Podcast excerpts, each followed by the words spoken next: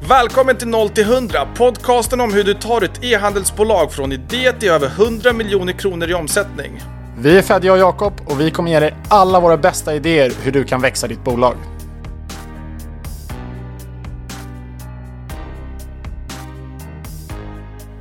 Då är vi äntligen tillbaka med ett nytt avsnitt av 0 till 100. Det har varit ett eh, långt uppehåll här över jul och nyår. Nej, verkligen. Och det märks på kontoret, fler tillbaks. Det känns kul att vara tillbaka. Ett nytt år, new me, new company goals. Man har satt nya budgetar. Nu är det bara att riva av det här så att vi kommer igång. Och äntligen är vi tillbaks med podden också. Jag vet att det är flera som har hört av sig under veckan och frågan när nästa avsnitt kommer. Så kul att vi är tillbaks Jakob. Hur känns det? Jo, men det känns bra. Både du och jag fuskjobbade ju lite där i mellandagarna, men då var det ganska stiltje på Slack får man ändå säga. Men mm. nu känner man att det har kommit igång. I morse när jag kom in till kontoret, och jag brukar ganska ofta vara liksom först in eller näst först in, men i morse satt det fem personer här och tindrade innan, redan när jag kom till jobbet, vilket var ett, eh, en kul förändring. Nej, men det känns bra. Det är, eh, det är otroligt kul att vara tillbaka. Jag hoppas att ni känner att det är ett bra år som vi kommer in i och att vi lämnar det hemska e-handelsåret bakom oss och att vi har allt att se fram emot och vi kommer såklart beta av en hel del idag.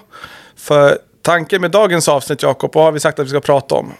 Ja, men dels så ska vi prata lite om vad som har hänt sen senast. Eh, men sen så, det är klart, många just nu kämpar med hur eh, januari går. Så prata lite om vilka brands går bra i januari, varför går de brandsen bra och vad är det egentligen i omvärldsläget som påverkar vad som går bra just nu. Och sen så tänkte jag att vi ska prata om hur man ska tänka när man ska ta hjälp av konsulter för sitt varumärke på olika sätt. Och det kan innebära väldigt många olika saker, olika saker för olika personer tror jag. Så det tänkte jag att vi skulle prata om idag. Det är skitbra topic egentligen, för jag får så många frågor på LinkedIn av hur man ska tänka och om om eh, både bolag och brands passar in i vår eh, byrålåda och hur man ska tänka när man jobbar med Probage Group men även hur ska vi tänka med när vi väljer plattform eller hur ska vi tänka när vi väljer extern konsultbyrå. Och jag vart ju lite triggad, jag vet inte om du vart det av den här, eh, det fanns en tråd där på LinkedIn där man nämnde av hur man skulle jobba med konsulter och vad man skulle förvänta sig av konsulter. Men jag tycker vi kommer in på det snart så lämnar vi det som en cliffhanger. Absolut.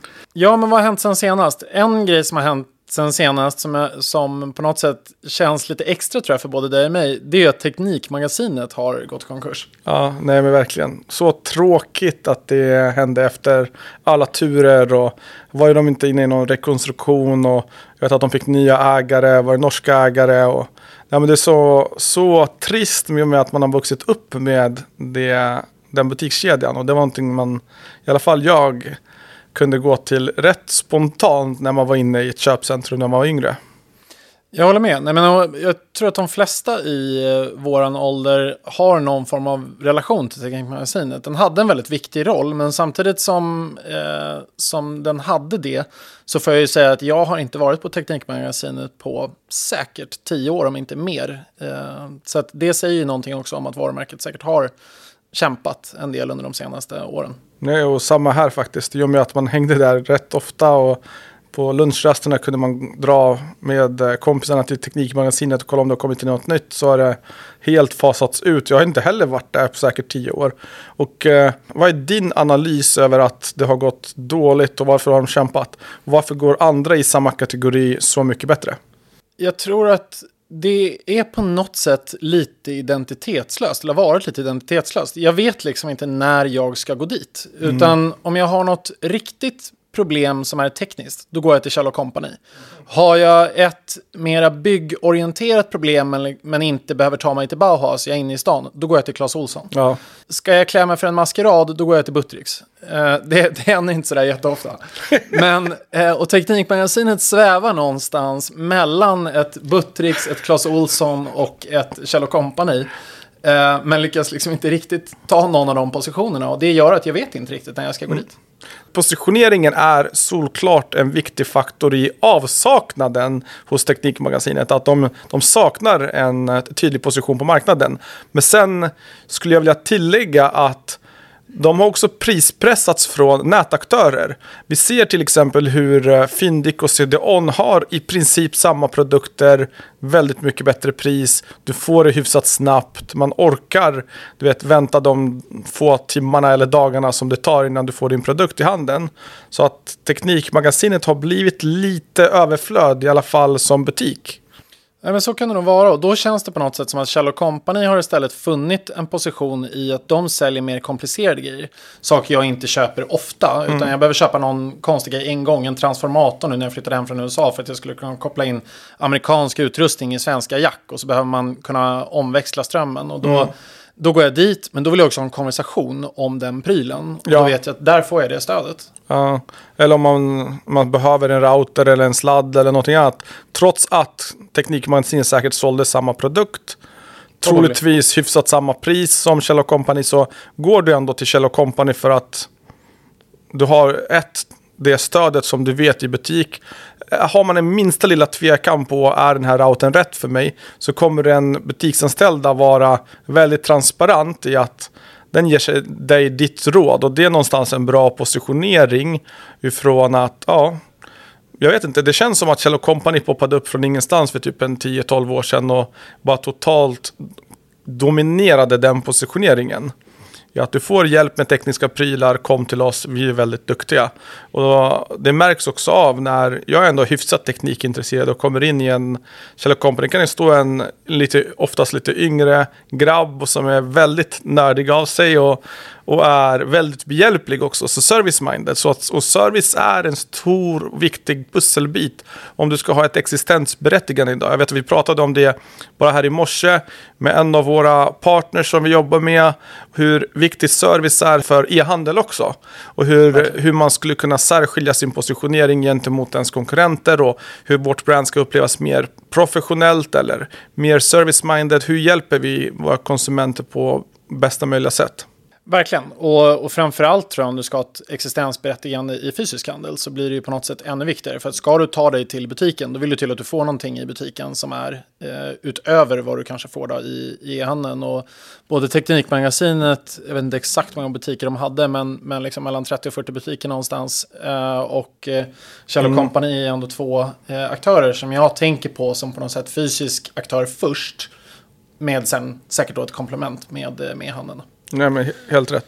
Vi lämnar Teknikmagasinets eh, konkurs bakom oss. Och så eh, vet vi inte vad som händer. För det här är så färskt. Det hände ju bara för några dagar sedan. Så att eh, man vet aldrig vad som händer i sådana här konkursbokar. Köpas upp, kan återupplivas. Och förhoppningsvis hitta sin rätta position. Eller så kommer den lämnas bakom en som typ JC gjorde.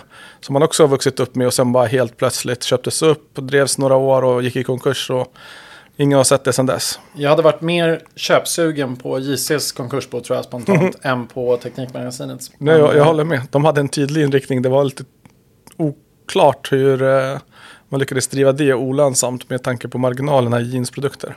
Men eh, vad har mer hänt då? Eh, jag såg att Naked plockade in pengar eh, igen. Några kommentarer på det? Egentligen inte. Det är väl en nödlösning för att de har ju haft det tufft. De har ju dragits med stora förluster. Trots att jag vet att de gick ut och sa att det var något kvartal som var lönsamt eller någon månad som var lönsam. Så vet jag inte om helåret 2023 har varit lönsamt och de behöver väl pengar för att satsa. Jag tror att också att omsättningen har börjat backa för första gången föregående år. Och det är inte jättekonstigt egentligen om man tittar på de stora makrotrenderna mot fast fashion och hur influencer marketings betydelse i Nakeds uppskalning, den snabba uppskalningen, har bromsat ner någonstans. Att det har inte gått att skala, fortsätta skala på det sättet som de gjorde i början. Nej, precis. Nej, men och, och nu tog de in pengar och jag, det stod i alla fall i den artikeln jag läste snabbt att eh, målet är att man ska vara, eh, ha ett positivt ebitda-resultat i slutet på 2024. Så vi får väl se om de här pengarna lyckas ta dem dit. Jag tror att det var ungefär 170 miljoner, men det är ändå en relativt liten summa jämfört med de förluster man drogs med åtminstone 2022. Så 2023 har antagligen, då får man väl eh, säga, sett eh, betydligt bättre ut. Och så får man väl hoppas att de lyckas ta sig hela vägen fram under 2024. Och sen är det inte så svårt att vända ett företag från ett negativt ebit-resultat till ett positivt beroende på såklart hur stor negativ ebit du har. Om du stryper kostnader, kortsiktigt så kommer du kunna leva ganska gott på det. Så om man tar typ ett Naked och stryper marknadsföringskostnader så kommer fortfarande kunderna handla hos Naked. En stor del kommer fortfarande handla hos Naked. Men det är klart att du kommer tappa omsättning och omsättningstillväxt. Du kommer kanske till och med backa på topline, men eh, i och med att du har strypt en av dina största kostnadsposter, troligtvis den största kostnadsposten, så är det oftast enkelt att vända det till ett lönsamt bolag. Sen är det inte eh, långsiktigt hållbart att jobba utan marknadsföring eller utan effektiv eh, awareness-drivande topline marknadsföring så att vi driver in nya kunder in i affärsmodellen. Men har man starka produkter och är man välkänd på sin, i sin nisch så räcker det med ganska tydlig bottom line performance för att få bra lönsamhet.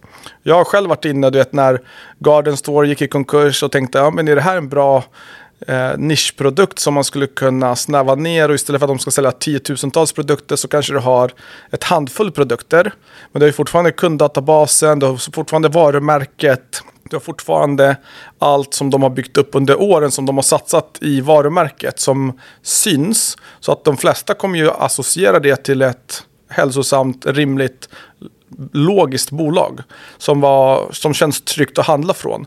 Och det är eh, den största konverteringsdrivande faktorn på nätet, det är tillit. Kan du inte skapa instant trust så kommer inte du få något köp i, ifrån någon egentligen. Så att, eh, och ofta när den typen av konkursbo hamnar på bordet så eh, kan man ibland lägga ett bud på bara IP, i det här fallet typ bara varumärket. Och det var jag någonstans lite sugen på för nyss drygt ett halvår sedan. Eh, sen gick inte den helt i hamn i och med att jag behövde en affärspartner. Och eh, den personen hade inte den tiden att lägga det här projektet. Men eh, vi får hoppas att eh, vi styr ihop någonting i framtiden. Har du hört någon uppdatering om vad som har hänt med Garden Store efter det? Jag vet att det köptes upp uppenbarligen eftersom jag var ju med i den budgivningen. Eh, jag vet också summan det rörde sig om. Det rörde sig om väldigt liten summa. Alltså inte x antal hundratusen utan det var x antal miljoner men det var eh, in, inte många. Och det som hände det var att de var tvungna att byta lager. Typ instant. De hade typ det nya bolaget hade en eller två veckor på sig att eh, hitta en, ett nytt stort lager för, ja men säg tre fotbollsplaner i storlek. För en eh, tiotusentals, hundratusentals eh, produkter. Låter Ganska som en eh, stora kul produkter. Eh, helgaktivitet. Ja, exakt. Så jag vet faktiskt inte hur, eh, hur stort värde det fanns i det lagret eller om de var tvungna att skrota en stor del av det eller hur de gjorde med... Du hinner inte ens anordna en utförsäljning. Du hinner inte egentligen möblera om någonting utan du ska bara förflytta från plats A till plats B. Och när det är så många olika SKUer så kan det ibland vara mer kostsamt att packa ner och packa upp och labla om för att du vet inte om någon har brutit en förpackning. Du vet inte de hundra SKU i den förpackningen. Hur har de staplats och är det samma produkter? Är det det som står i Excel-sheetet som finns på hyllan? Finns det på två olika hyllor? Det är ett sånt administrativt helvete som jag också gått igenom för typ 4-5 år sedan nu som jag eh, försöker förtränga. Så att det här kan jag varna andra entreprenörer om. Eh, uh, menar, en, eh, en, sista grej som jag ville slå ett slag för som kanske inte liksom är riktigt lika enhetsfokuserat men det är att jag såg att det faktiskt gick bra för Hemtex under 2023 och jag har ett, liksom ett lite extra varmt hjärta för Hemtex för jag jobbade där som konsult för ungefär fem år sedan under en, eh, under en period. Och Eh, pendlade då ner till Borås och jag blir fortfarande väldigt, väldigt glad när jag ser att det går bra för Hemtex. Och man skulle kunna tänka att det här är kontraintuitivt eftersom jag också på ett sätt är en konkurrent i termer av att jag jobbar med Juniper. Men det gör mig bara glad när det går bra för Hemtex. Jag såg att deras onlinehandel också växte fint under Kul. Q4 framförallt. Nej men sånt är alltid roligt och speciellt när den typen av varumärken som man vet har traditionellt haft lite motvind eller haft lite skriverier om sig och som har reat hela tiden eller någonting annat som, som hittar någonstans sitt sätt. Nu har jag inte läst artikeln eller har någon koll på det men jag hoppas att de har hittat det.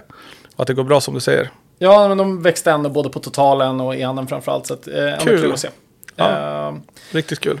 Men om vi släpper det då och går vidare och funderar lite på januari är ju en tuff e-handelsmånad får man säga, en tuff retailmånad för väldigt många varumärken. Eh, ser du några lysande stjärnor eller någonting annat spännande som händer nu i januari som man borde hålla ögonen på? Nej, men först vill jag konstatera att det kanske är den tuffaste månaden senaste decenniet.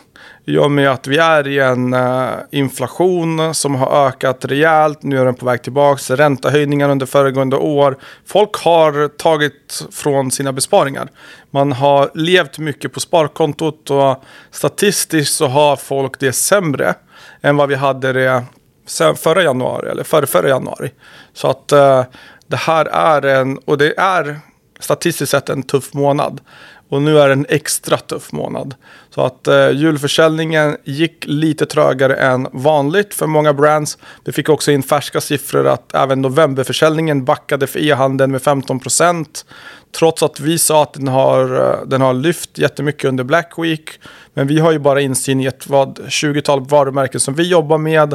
Och sen kanske ett 50-tal utöver det som vi kanske pratar med eller som vi har access till på ett eller annat sätt. Så att baserat på dem så kan vi dra en viss slutsats. Men sen när vi får eh, fakta på bordet då är det länken bara att backa tillbaka och säga att november var också en dålig e-handelsmånad.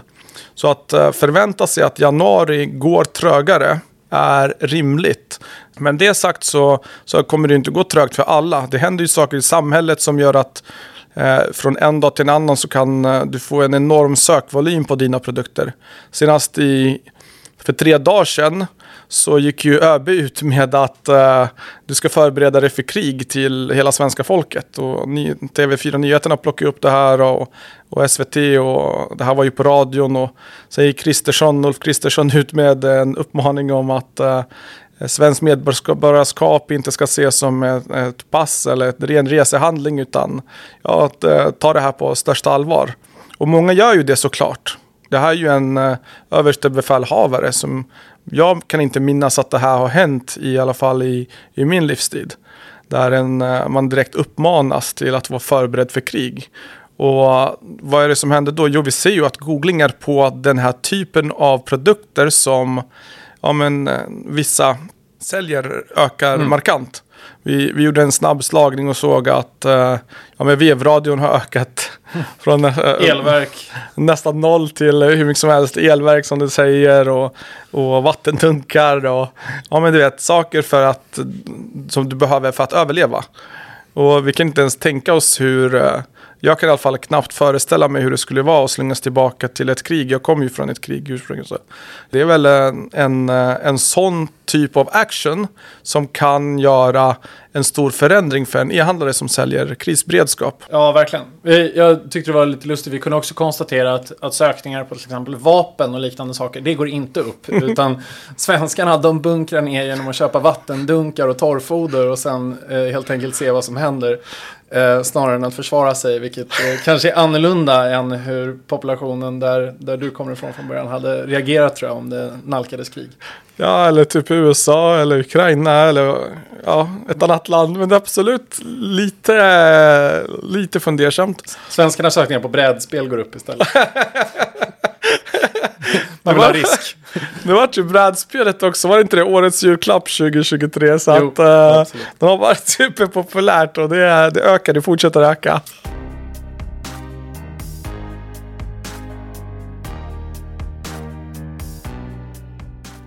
Nu ska vi in på ett hett ämne som vi, som vi båda får, får frågor om. Men jag, jag vet att det här är eh, lite kontroversiellt i och med att vi sitter på byråsidan. Men vi driver ju också båda egna varumärken. Och vi har och kommer anlita externa konsulter till de varumärkena och det görs på löpande band. Och det finns ju egentligen två sätt att se på det när man ska anlita externa konsulter. Som jag tänker så här, att eh, du har en typ av entreprenör som är eh, mer generalist slash strateg, en e-handelsstrateg i grunden. Och den personen har ett behov av en typ av byrå som stöd. Medan ett annat varumärke kanske tänker att jag har en uppfinnare eller en visionär eller en designer eller en kreativ person i rodret har väldigt dålig kunskap inom e-handel och marknadsföring och det varumärket eller bolaget behöver en annan typ av byrå och uppstöttning. Och alla kan inte vara bra på allt, så är det ju. Verkligen, så det, dels har man ju en, en dimension på kundsidan där kunden kan ha olika behov. Sen handlar det ju också lite om vad det är för typ av tjänst man vill köpa in eller vilken typ av byrå man vänder sig till. Alltså du kan både köpa in marknadsföring i mera end-to-end lösningar som vi jobbar med till vardags. Eh, eller till exempel att man säger att jag behöver någon som eh, hjälper mig med Google. Och så handlar det om att man bara köper in en, en konsult som stöttar med Google till exempel. Och då tänker jag någonstans att då behöver du ha ett grundläggande strategiskt djup för att kunna förstå att du behöver Google Ads till exempel till din verksamhet. Du behöver vara hyfsat insatt i din egen affär och ha stenkoll på siffrorna för att förstå att okej, okay, attributionen jag ser hur det fungerar eller jag har den här typen av produkt som historiskt sett har fungerat bättre på Google. Då är det i den ändan jag ska börja. Men det behöver ju ändå inte betyda att en Google-byrå eller en Google Ads-konsult kommer kunna göra underverk för ditt brand. Och där finns det ju också enormt stora skillnader på, mellan byråer. Och det är, vissa byråer har ju riktat sig in specifikt i vår lilla nisch här på e-handel. Sen har du eh, byråer som är mer breda, eller konsulter som är breda, jobbar med allt ifrån fastigheter till tandläkarkliniker eller, eller försäkringar och kasino och den typen av verksamhet. Så du har breda byråer eller så har du mer inriktade byråer. För en sån sa, fråga som jag ofta får är hur våran lilla byrå kan hantera en så stor del av tratten. Både paid social och eh, Google Ads och konvertering och, och sen retention och sen kan vi stötta upp med ekonomi och forecasting. Hur är det möjligt att en så liten byrå som vi ändå är, vad kan vi vara 40 någonting anställda, mm. klara av så stor del av tratten och medan den här andra byrån som har 100 anställda bara gör Google Ads. Och då är det ju oftast den stora differensatorn att uh, vissa byråer har valt att nischa in sig på en bransch och ibland uh, går man ännu djupare så som vi har gjort att vi jobbar primärt med ägarledda bolag, små startups som vill skala fort. Eh, eh, uh, D2Cs, det vill säga att du äger ditt eget varumärke, inte multibrand stores. Även om vi kanske jobbar med något multibrand så är 99% av allt det vi fokuserar på D2C-bolag. Och det är väl eh, den, eh, den stora differentiatorn på den, den sidan. Sen finns det ju de uh, förespråkare som säger att vi ska göra allting inhouse. Och det här känns som att det byts med jämna mellanrum vilken ledning man får eller vilken vd eller vilken visionär man har satt på, på posten. Så säger så här, ja men nu ska vi skifta allting, det här med byråer, det funkar inte ineffektivt. Nu ska vi göra allting inhouse. Sen funkar det i något år eller två och sen kommer det in en ny ledare som säger, ja men du, alla våra anställda är slack hackers, det är jättedyra kostnader, vi måste bli av med de här stora kostnaderna, vi kan, vi kan inte sätta samma press på personal och vi sitter här med långa uppsägningstider och vi har en hög risk och vi behöver bättre jobba med byråer som är specialister och så byter man om igen och det finns för och nackdelar med allt egentligen. Exakt, men om man, om man backar bandet då. Så jag, vi, eller jag och Matilda, vi lanserade Juniper 2019. Mm. Med ganska eh, bristande kunskaper skulle jag säga inom operationell e-handel. Liksom jag hade hållit på och strategiskt funderat en hel del på e-handel, men liksom då mer i PowerPoint. Men hade nog aldrig varit inne i till exempel Ads Manager eh, då. Och vad liksom så här, vi, vi hittade ganska snabbt en enmannakonsult som skulle hjälpa oss med både Facebook och Google. Och vi lärde oss en hel del av varandra tror jag. Vad, vad ska man tänka på där om man är liksom ett nytt varumärke eh, och går igång? Vad, vad tänker du att man, man ska ha i åtanke då när man ska köpa in konsulttjänster? Nej, men någonstans måste man ju veta att det du betalar är det du får. Alltså att tid är pengar, literally. För att du som konsultbolag så säljer du ju tid. Det är din tjänst, det är det du behöver få betalt för. Sen kan man bartra med helt olika saker. Så den enmannakonsulten kanske behöver ett referenscase. Eller så säger den att den behöver ett referenscase och därför får du ett superdeal. Men du behöver ju hitta något sätt att uh, försvara den här satsningen. Och oftast så behöver du ha en viss typ av adspend för att det ska vara lönt att ens tänka konsultbanorna. För att du kan ju komma idag med Facebooks AI och så vidare. Sen när ni startade 2019 versus idag är ganska stor skillnad. Mm. När ni startade var det mycket mera operativt. Du behövde vara mer skillad skulle jag säga. Hands-on i att hitta målgrupper och hitta nischer och testa mer. Du behöver fortfarande testa men nu testar vi content. Då testade du mera vilka målgrupper fungerar? Mm. Vad fungerar inte? Hur ska vi skala bort det? Och sen dagligen egentligen rodda med budgetar. Nu mår kontot väldigt bra av att du inte rör budgeten varje dag, utan du sätter en budget, utvärderar den efter några dagar, ökar, minskar. Förutom vid snabba rörelser som om ja, ÖB utläser ett krig. Exakt. Så det är lite skillnad från när ni, när ni drog igång det. Men jag skulle säga att eh, du måste kunna försvara kostnaden på ett eller annat sätt. Du måste kunna räkna hem det. Det finns ju olika affärsmodeller på konsultsidan. Den allra, de allra två vanligaste brukar vara en procent av adspend. Men någon typ av miniminivå för att om du bara spenderar 5 000 i månaden då kan ju inte konsulten överleva på 10-15% av din adspend. Bara att eh, ens ta ett samtal, eh, ett möte, eller skicka någon månadsrapport så försvinner ju den, den lilla pengen man får in. Så då måste man ju ha någon typ av miniminivå. att Man kanske har 7 5 eller 10 000 eller någonting sånt. För att det ska uppta en stank energi. Exakt, där tror jag det kan vara värt att ha med sig att jag skulle generellt tror jag, det är klart att allting kommer vara unikt, men jag skulle generellt rekommendera att om du inte når upp till den här konsultfirmans miniminivåer, då är det i regel en dålig idé att betala den minimumfin för att då kommer det antagligen vara en för stor del av din adspend för att det ska gå att försvara. Det finns såklart unika sammanhang där det här eh, rådet inte kommer stämma, men jag, jag, tror att det ganska ofta kommer stämma. Så att om en konsultfirma har 40 000 i minimum fee för att driva ditt Google-konto och du gör av med 40 000 på Google, då kommer det aldrig betala sig tillbaka. Mm. Utan för att du ska kunna eh, liksom bära den kostnaden så kommer du behöva göra av med mer pengar. Och går det då inte att skala till den nivån på ett rimligt sätt, då är det nog inte rätt konsultfirma för dig där och då i alla fall. Så det är ju en typ av uh, affärsmodell där konsultfirmor tar procent av adspend. Och då brukar man säga att ett rimligt konsultarvode brukar vara någonstans mellan 5 och 20 procent. Så det är väldigt stort spann med 4x. Men det är klart, spenderar du gör du av med en miljon så kommer inte konsultfirman ta 200 000 för att hantera ditt Google-konto. Utan gör du av med en miljon då är det väl närmare 50 000 eller ja, då, i det spannet som det borde kosta. Medans eh, tittar vi på då Facebook Ads så är det mer vad är det konsultbyrån ska utföra. Det är inte bara att rodda annonshanteringen utan där kanske det är strategi, det är content som ska skapas. Vem står för innehållet? Är det du som varumärke eller är det konsultbyrån? Vem står för råmaterialet? Vem står för editeringen av det? Det kan man också så börja ifrågasätta. Vem är det som kommer skapa allt som ska publiceras? För att oftast så blir man ju, jag, jag blir i alla fall det, approachad av hundratals olika nya byråer, unga byråer, gamla byråer och man vet inte vad är rätt och fel, hur så man ägnar alfabetet. Det är, det, är inte, det är inte det enklaste, speciellt inte om du inte har stenkoll själv. Och har du stenkoll, eh, då kanske det är helt fel approach att ens anlita en byrå. Nu eh, ombordade vi precis en kund i januari, tre fantastiskt duktiga entreprenörer, varav två har gjort galna e-handelsresor tidigare. Och mm. är väldigt breda inom e-handel och har hittat en fantastisk produkt, en perfekt e-handelskombination. Och så har de hittat en specialist i sin nisch. Och jag tyckte det var, nej men det är så uppfriskande och se det samarbetet.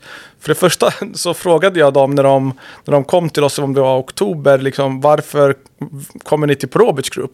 Det kändes som att eh, ja, men vi är typ nästan på samma nivå här. Eh, vi är, jag är duktig, ni är duktiga. Eh, vad, eh, vad behöver ni från oss? Och någonstans så kan man ju räkna hem en konsultbyrå där om ett plus ett blir tre. Så att om man slår sina kloka huvuden ihop och kan generera någonting ännu bättre, då är det en, eh, en bra satsning. Medans hade, hade de behövt kravställa allting in i minsta detalj och inte släpper taget i och med att de kan det, det mesta in i minsta, då kommer de inte kunna fokusera strategiskt på sin affär, lanseringar framåt, internationalisering, vilka marknader ska vi till, eh, räkna på de olika delarna i sin verksamhet. Och det finns alltid saker att göra. Och frågan är bara vilka delar ska jag göra som entreprenör? Vilka delar ska jag lägga ut? Där jag kan få skjuts eller där jag kan få snabb hjälp av en seriös, helst seriös spelare i branschen. Nej men precis, och när du säger räkna där också, så, eftersom jag ofta pratar om att räkna, så jag hamnade häromdagen i en LinkedIn-diskussion där en eh, amerikansk eller möjligen brittisk eh, LinkedIn-skapare och agency-grundare han hade skrivit någonting i stil med att eh, vissa bolag eh, förväntar sig att eh, byrån ska kunna hålla koll på bolagets ekonomi. Men Newsflash, det kan ni absolut aldrig förvänta er av en byrå. Ja. Eh, och där blev jag just lite så här, jag, jag tycker att det beror någonstans på vad man köper för tjänst. Ja om jag köper att någon bara ska sitta i mitt metakonto och dra i spakarna, inte skapa creatives, inte jobba med någonting annat. Självklart kan inte jag förvänta mig att den personen ska förstå min resultaträkning och förstå hur mitt bolag ska ta sig framåt till fullo. Men om jag säger till ett bolag att här är nycklarna till maskinrummet och jag förväntar mig att ni växer det här bolaget lönsamt, då måste det, den byrån kunna ha någon form av förståelse för hur mitt bolag går, för att annars kommer det uppdraget med 100% säkerhet inte mm. gå bra. Och det är den transparensen som är viktig att förstå. Det är återigen, om du som grundare är riktigt duktig e-handlare, har jobbat med e-handel många år, har gjort någon resa tidigare och är en bred generalist så kan du köpa specialisttjänster externt och få det att gå jättebra. Och då kanske de, de specialisterna i sig inte behöver vara synkade. De specialisterna i sig behöver inte prata ihop sig och holistiskt hålla koll på att öka och sänka budgetar mellan kanaler. De specialisterna i sig behöver inte ha koll på dina gross margins. Det kan du göra dagligen. Och sen informera specialisterna på en daglig standup som tar 5, 10, 15 minuter. Mm. Men då kräver det också att du sitter på den kunskapen. Och det skulle jag säga är ett fåtal, fåtal entreprenörer som verkligen besitter idag. Och det är klart att det finns de människorna som är duktiga. Hade jag startat ett nytt brand idag så hade jag ju med all sannolikhet köpt specialisttjänster. Jag hade inte gått till en byrå som Probich Group som gör en stor del av allting. För att om, om jag själv besitter den kunskapen så kommer jag vilja sätta prägen på strategin, på visionen, hålla koll dagligen, informera de olika specialisterna vart vi ska höja, och sänka. Men om jag inte skulle sitta på den kunskapen, då är ju en byrå som är mer holistisk, mer agil, perfekt för mig. Så det beror på hur man själv är som entreprenör, som man själv är som grundare. Så att eh, känner man att shit, jag besitter ju verkligen hela visionen för hur jag ska driva det här e-handelsbolaget både till tillväxt, lönsamhet och framgång internationellt, fine, då gör man det. Känner man att jag är svag på de här delarna men jag är fantastisk kreatör eller jag har skapat en jättebra produkt, jag behöver bara få ut den till marknaden. Då är det bättre, skulle jag säga, att gå till en mer holistisk byrå som tar hand om hela affären från ax till limpa där man måste både editera content, ladda upp content, optimera, rapportera och sen träffas vid strategimöten löpande och hålla den här täta dialogen mellan kreatörer och produktion av varumärket till eh, med byrån. Det, det lustiga är att jag, jag hade nog ändå tror jag gått till en byrå med ett mer holistiskt tänk idag. För att jag, jag blir Eh, provocerad när det sitter någon och ger mig råd som inte har en tillräckligt stor del av bilden. Mm. Att de säger att så, ah, men vi borde gasa och jag, så, men vi förlorar pengar på varje ja. order just nu. Då borde vi inte gasa ja, per definition. Sant. Men de förhåller sig till något metric som de är glada med. Liksom. Och, och jag är inte det. Jag vet inte. Jag, jag, det, det, är klart att det, det, finns säkert eh, perfekta kombinationer i det här. Men, men eh, jag kan tycka att det kan bli lite väl nischat ibland. Jag kan även, vid något tillfälle, för Juniper så hade vi en Facebook-byrå och en Google-byrå det, det var bara något överlapp i en månad, men det blev jag också helt galen på. För att då skyllde Facebook-byrån på Google-byrån och Google-byrån på Facebook-byrån. Och så sitter man där i mitten och är lite så här, okej, okay, men det går inte bra i alla fall, så mycket kan jag konstatera. uh, och, liksom, och ni skyller på varandra och jag vet inte riktigt vad jag ska göra här i mitten. Och det slutade med att båda fick uh, lämna. Liksom. Att, ja, och det är jättevanligt scenario, tyvärr. Så är det att, uh, sitter du på olika byråer, du har en byrå som jobbar med e-postmarknadsföringen och en annan byrå som jobbar med konverteringen och en tredje byrå som jobbar med någon typ av kundanskaffning och så kanske du har en till byrå med kundanskaffning. På, bara för att det är olika kanaler. Och de nischar in sig och säger ja men vi är den bästa TikTok-byrån och vi är den bästa Facebook-byrån. Och det låter ju så här äh, rimligt någonstans att man vill att ens affär ska skötas av den bästa i den nischen. Men då kanske man istället borde tänka att okej, okay, men även om det är den bästa byrån, om den byrån inte har en helhetsbild, inte har en inblick, inte lägger den tiden som krävs någonstans för att förstå varumärket, så är det ju jättesvårt. Så vilka kontrollfrågor har du lärt dig att skulle du ställa idag om du anställde en, en ny byrå? Jag, jag tror för det första att det jag hade velat göra är att sätta upp någon väldigt tydlig eh, KPI-struktur där jag tror att vi gjorde till exempel, vi började jobba med en byrå tidigt som är på Meta och då hade vi ROAS-mål med den byrån och så sa vi att om ni når den här ROASen då skulle de få eh, mer betalt på ett eller annat sätt. Jag minns faktiskt inte exakt hur vi hade satt upp det, men det var i alla fall typ så.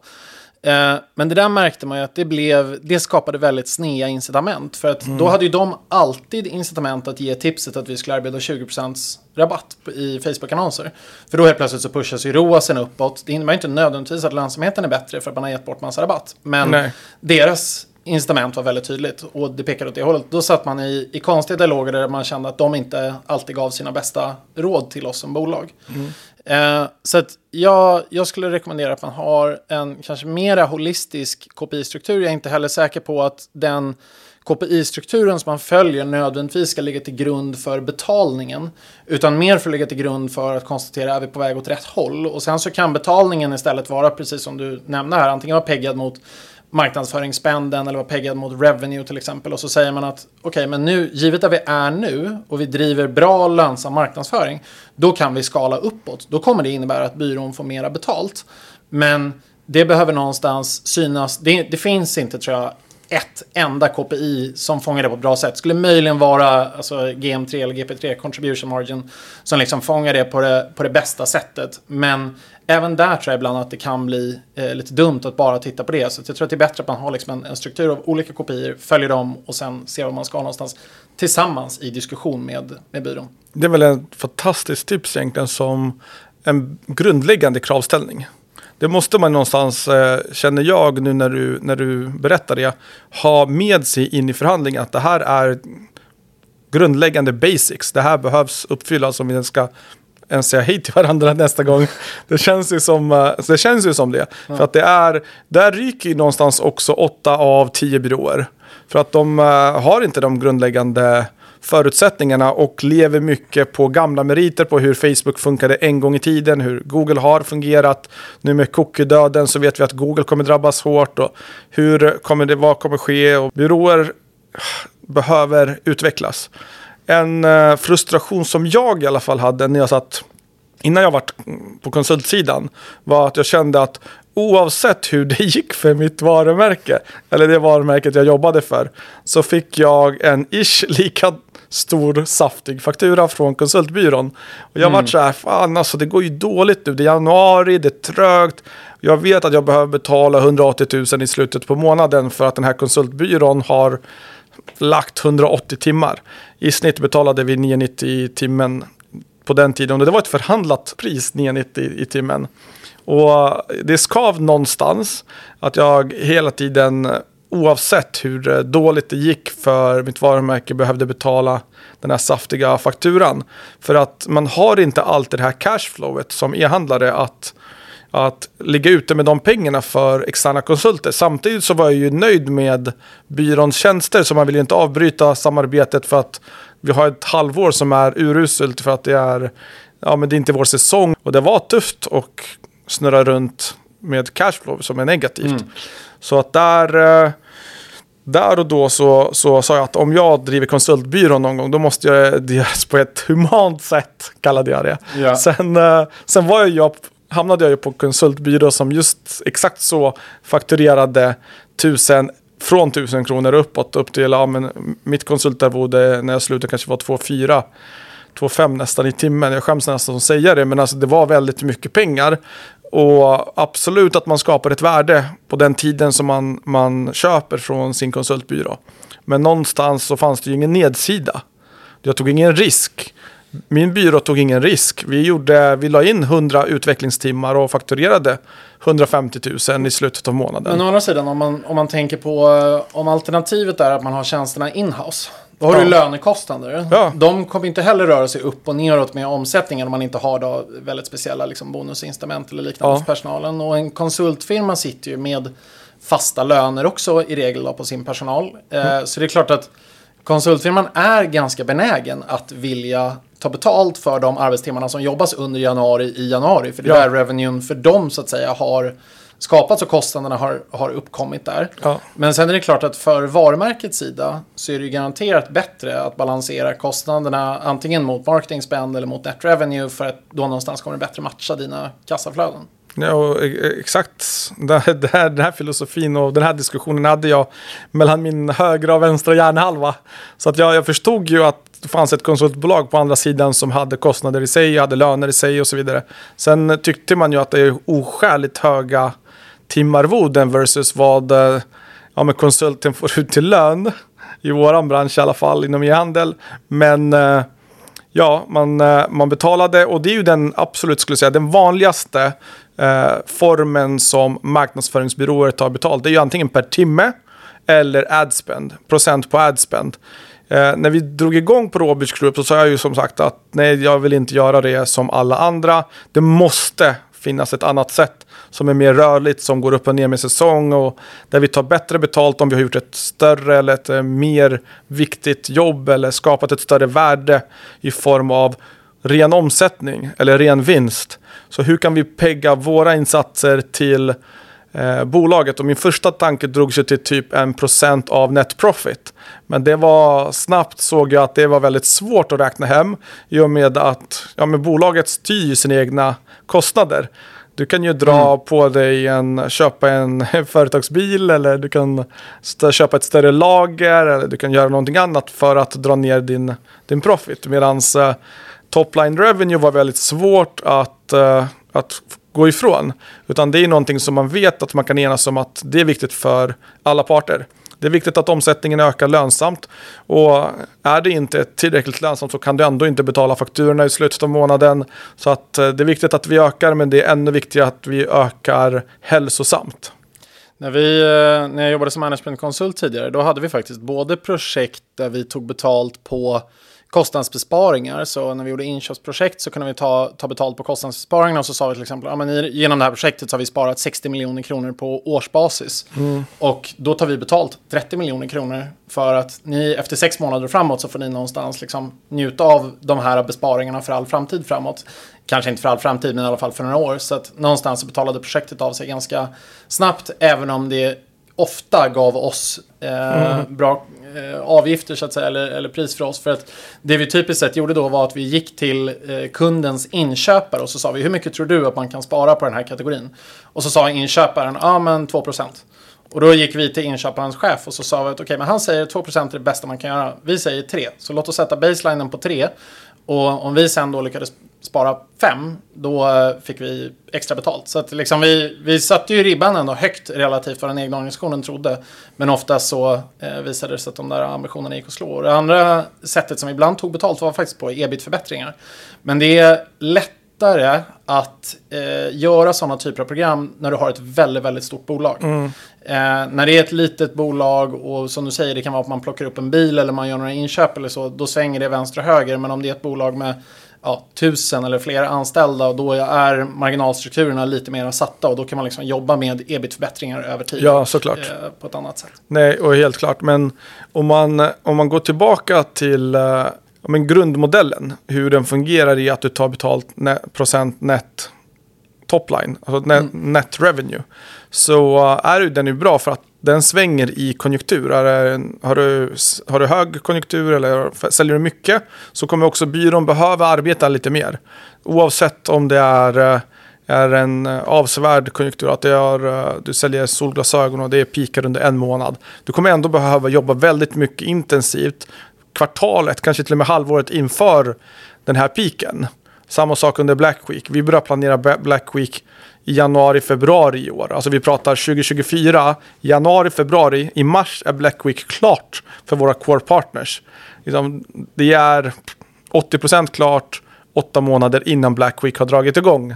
Så att självklart så ligger det jäkligt mycket planering, tid, förberedelse inför det.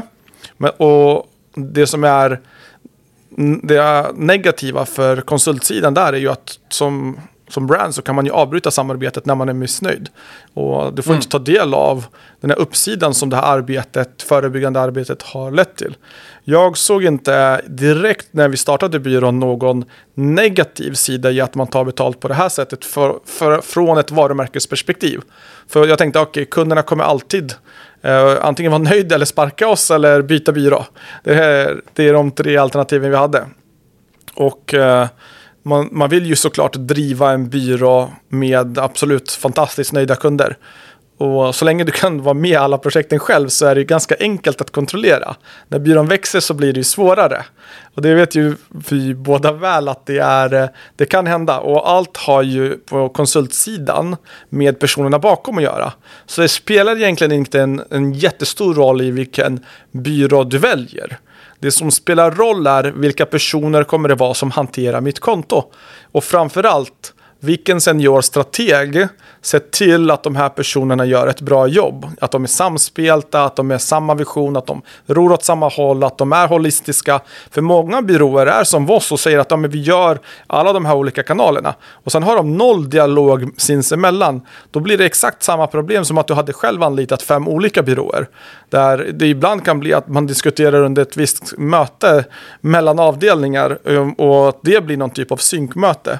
Och det behöver man ju såklart som byrå komma ifrån och vara väldigt samspelta, även om det är svårt. Men det krävs väldigt tydliga processer för att få det att fungera. Och det är klart att vi också har upplevt svårigheter och utmaningar med det. Någonstans längs vägen så har man ju lärt sig hur man ska lösa det, hur man ska tackla det och bli mer eh, in sync. Absolut. Nej, men, och, det, är, det är verkligen inte alltid enkelt. Och man ska också ha med sig att eh, konsultbyråer har ju också, råkar ju också ut för att människor slutar till oh. exempel. Och den typen av utmaningar kan vara jättetuffa. Man kan ha toppensamarbete med, ja. en, eh, med en kund och sen så helt plötsligt så slutar den personen som var ytterst ansvarig på konsultsidan och då helt plötsligt så kanske det samarbetet inte alls är lika eh, mm. fruktfullt som det var innan, vilket kan vara problematiskt. Och även om du får en jättebra ny konsult eller ny person som ersätter den personen så kan det verkligen vara att det, det ändå så går det jättedåligt i och med att som människor så är vi vanedjur. Alltså vi gillar, vi är invanda i beteenden och har vi haft ett samarbete som fungerar så vill vi att det ska fortsätta och sen slutar den personen och så får man en ny, kanske till och med ännu bättre konsult men man är fortfarande relativt inarbetad i gamla mönster.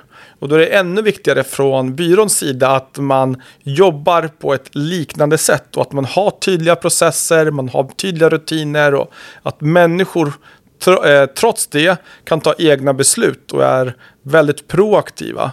Så att det finns några frågor som jag, som jag vill lämna lyssnarna med. Mm. När ni väljer konsult, väljer byrå eller liknande. Och förutom hur byrån tar betalt, vilket obviously är ett stort beslut. Det är en, det är en stor skillnad mellan om eh, en byrå tar betalt i procent på adspend eller procent på revenue. För att tar du procent på adspend så har du inget incitament egentligen att skapa ett vare sig högt eh, topline eller bottomline.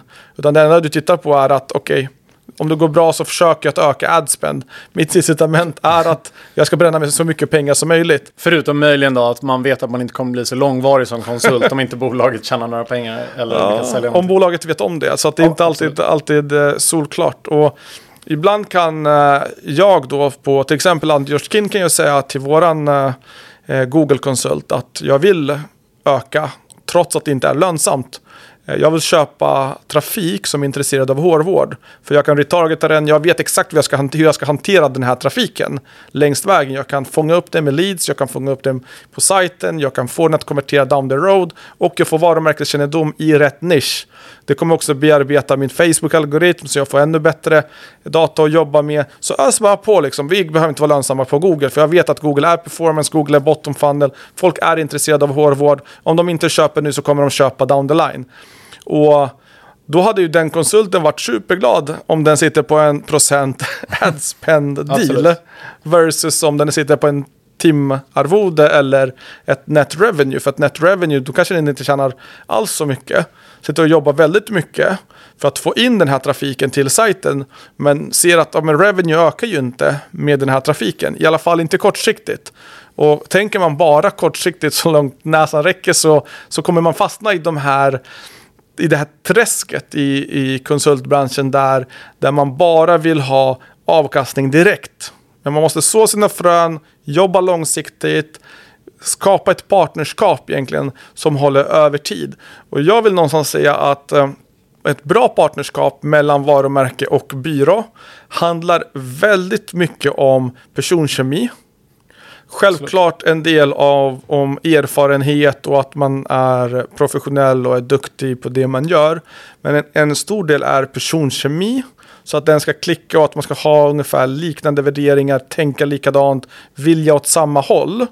För att även om ja, man kan tycka att vi har världens bästa byrå och det där är ett jättebra varumärke, men klickar man inte och tänker samma sak och vill köra på samma sätt så kommer det vara en stor uppförsbacke innan det löser sig. Kanske att den uppförsbacken går att klättra upp för, men det kommer ta lite tag innan man tillsammans har klättrat upp för den uppförsbacken. Då ska man försöka aligna det tidigt. Ställ de frågor som behövs för att se att det är vettiga människor på båda sidorna.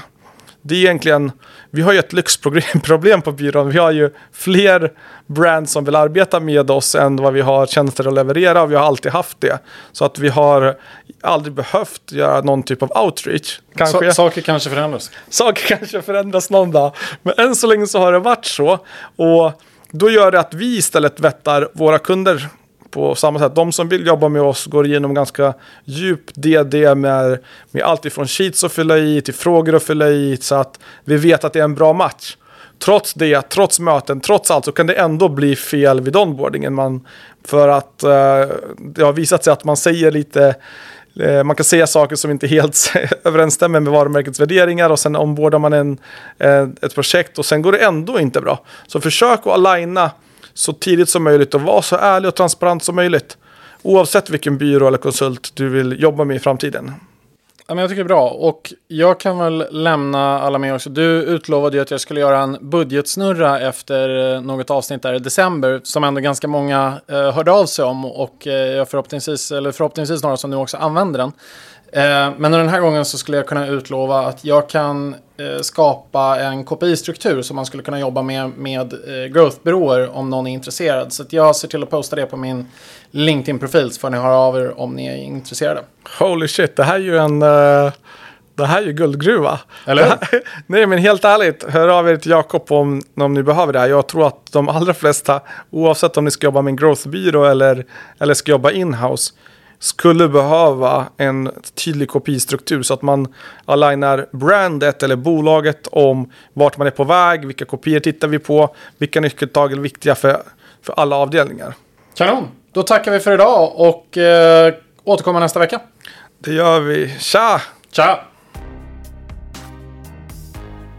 Tack för att du lyssnat. Vi är tillbaka nästa gång för att berätta om våra tankar om vad som händer i e-handelslandskapet och med våra senaste tips hur du kan växa ditt bolag och bli mer lönsam. Och om du gillar det här avsnittet, dela det med en vän och rita gärna podden med fem stjärnor och följ oss där du lyssnar på podcast så att du inte missar nästa avsnitt.